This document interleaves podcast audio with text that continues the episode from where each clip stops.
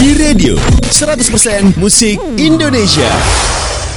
89,6 FM e-radio 100% musik Indonesia. Kita balik lagi di Radio Namu listeners. Dan kali ini Kamal Rashid lagi ditemenin sama Pak Heru Winarko Selaku Kepala Badan Narkotika Nasional ya. Pak Heru? Eh, Kamal sama listeners tuh pengen tahu juga Sekarang tuh posisi kita di mana sih dalam pemberantasan narkoba ini? Penyalahgunaan narkoba ini? Maksudnya apakah di posisi yang baik Dan menuju apa ya rekam jejak yang baik juga atau masih banyak banget yang perlu diperbaiki sejak zaman Pak Bos dulu sama mungkin sekarang Ya. kepemimpinan Bapak nih. Jadi eh, saya melanjutkan eh, perjuangan semuanya ya. Hmm. Bagaimana juga bahwa eh, untuk memberantas narkoba ini ibadah, Yap. ini jihad, ini kita untuk bagaimana bangsa Setuju, kita Pak. ini bisa bebas dari narkoba. Karena eh, perlu diketahui oleh para pendengar eh, e-listener bahwa Indonesia ini tahun 2030 2040 itu akan bisa 4 sampai 5 besar dunia Apa itu? dari segi ekonomi dan lain-lain. Oh iya. Nah, kalau nah dengan catatan kita punya kelebihan ada namanya bonus demografi. Mm-mm. Anak-anak muda kita luar biasa. Nah, ini kalau bonus demografi ini tidak kita maintain dengan baik, mereka tiba-tiba ada yang kena narkoba, Sayang. tidak akan dapat bonus untuk ke depan 2030. Hmm. Ini yang saya harapkan bahwa generasi muda kita banyak yang bagus-bagus, ya kita kembangkan terus ini. Sekali lagi eh, kita jaga benar, jangan coba-coba narkoba, begitu juga lingkungan, karena narkoba ini siapa pun kalau ada narkoba bisa menangkap kalau tertangkap tangan. Silakan. Maksudnya orang-orang biasa pun. Bisa. Ya karena di undang-undang kita tertangkap tangan siapa pun boleh. Misalnya ada maling jemuran ya diuber tangkap bisa, nggak ada Oke. masalah. Lalu serahkan ke Pihak berwajib. Ah, wajib untuk diproses seperti itu. Mm. Jadi jangan dibiarkan. Coba jaga benar. Ini coba keluarga juga ciri-cirinya juga harus tahu. Nah, ini yang perlu kita kembangkan. Yang kita kita kembangkan sekarang ini adalah di eh, saya itu desa bersih narkoba dan pemberantasan yang optimal.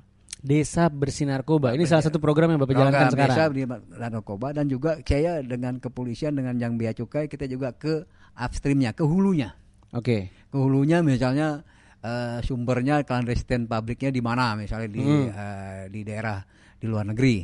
Nah itu kita ke sana. Jadi hasil pengembangan di sini kerjasama dengan polisi sana mereka mendapat pabriknya di sana.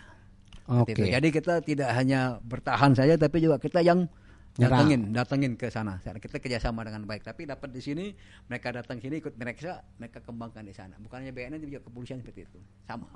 Oke. Jadi kita tidak lagi eh, bertahan tapi juga kita eh, defensive aktif. Menyerang lah ya. Eh, di- eh, tidak menyerang lah. Karena maksudnya kalau- kalau wilayah bola negara, gitu. teritori negara lain kan. Oh, Kita iya, yang aktif lah ya. mengenakan eh, para penegak hukum di sana untuk ikut sama-sama memberantas bahwa Hmm. ini adalah musuh kita bersama. Itu juga jadi pertanyaan tuh Pak. Kemarin-kemarin kan banyak banget kasus-kasus yang apa sindikat internasional masuk ke sini, sindikat internasional masuk ke sini. Kenapa pada masuk ke sini ya? Maksudnya apa mereka nggak mau ke Australia gitu? Atau Kalau- Kamboja? Jangan ke sini lah. Jadi gini, eh, harganya yang luar biasa. Apa tuh maksudnya? Harga yang luar biasa. Di- Harga di sini lebih mahal atau gimana? Harga di sini lebih mahal. Harga narkoba di sini Iya, lebih, lebih mahal. mahal. dibanding negara lain di sekitar kita. Iya. Misalnya kayak di sumbernya ya, eh, sumbernya itu 40 ribu per gram. Oke, misalnya. Ah, bukan seg- segitu harganya. Oh segitu ya. Nah, di sini satu setengah juta. Astaga. Kok bisa begitu Pak? Ya karena eh, demand. Demandnya tinggi. Jadi supply uh, ekonomi nih, supply and demand. Kalau di eh, Filipina tuh harganya 2 juta per gram. Lebih mahal dong. Ya karena di sana kan di keras. Makin Iya. keras, makin naik harganya. Karena demandnya makin tinggi, supply-nya makin Ah, dikit. iya. Ngomongin Filipina juga sih juga pengen nanya.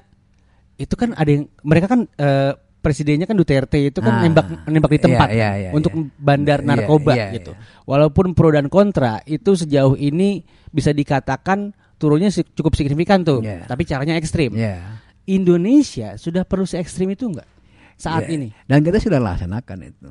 Tapi kita sesuai dengan prosedur SOP yang ada. Oke. Kalau misalnya mereka melakukan perlawanan, melarikan diri ya kita kita lumpuhkan, kita tembak. Seperti Oh, itu. Oke.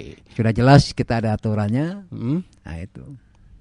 Jadi memang memang sebenarnya belum ke arah Kalau iya. Filipina sana Iya. dalam hal ekstremitasnya gitu lah ya. Iya. Tapi kita tetap dengan sesuai hukum aja. sesuai hukum kita kita dengan eh, organisasi hukum masih ek- efektif kita masih. Oke, menurut data itu kalau nggak salah kita sudah Indonesia sudah melakukan tembak mati listeners terhadap kurang lebih 79 atau 80-an bandar. Benar nggak tuh, Pak?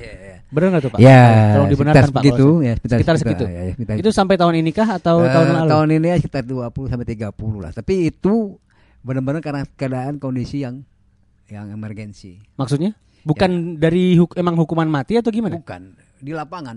Oh, lebih banyak yang, yang di lapangan. kematian Nah, itu terjadi di lapangan. mati masih belum. Nah, ini masih eh, kita masih eh, diproses on ongoing proses ya. Undang-undangnya. hukuman mati sudah ada sekitar 91 orang yang hukuman mati, Heeh. tapi masih belum dieksekusi. Itu semuanya bandar tuh. Bandar. Semuanya bandar. Sekarang di lapas semua mereka. Dan banyak eh ya yang kita tangkap-tangkap yang di Kalimantan, yang Heeh. di yang kemarin ada satu ton sekian itu pesanan ya pesanan dari lapas semua Waduh.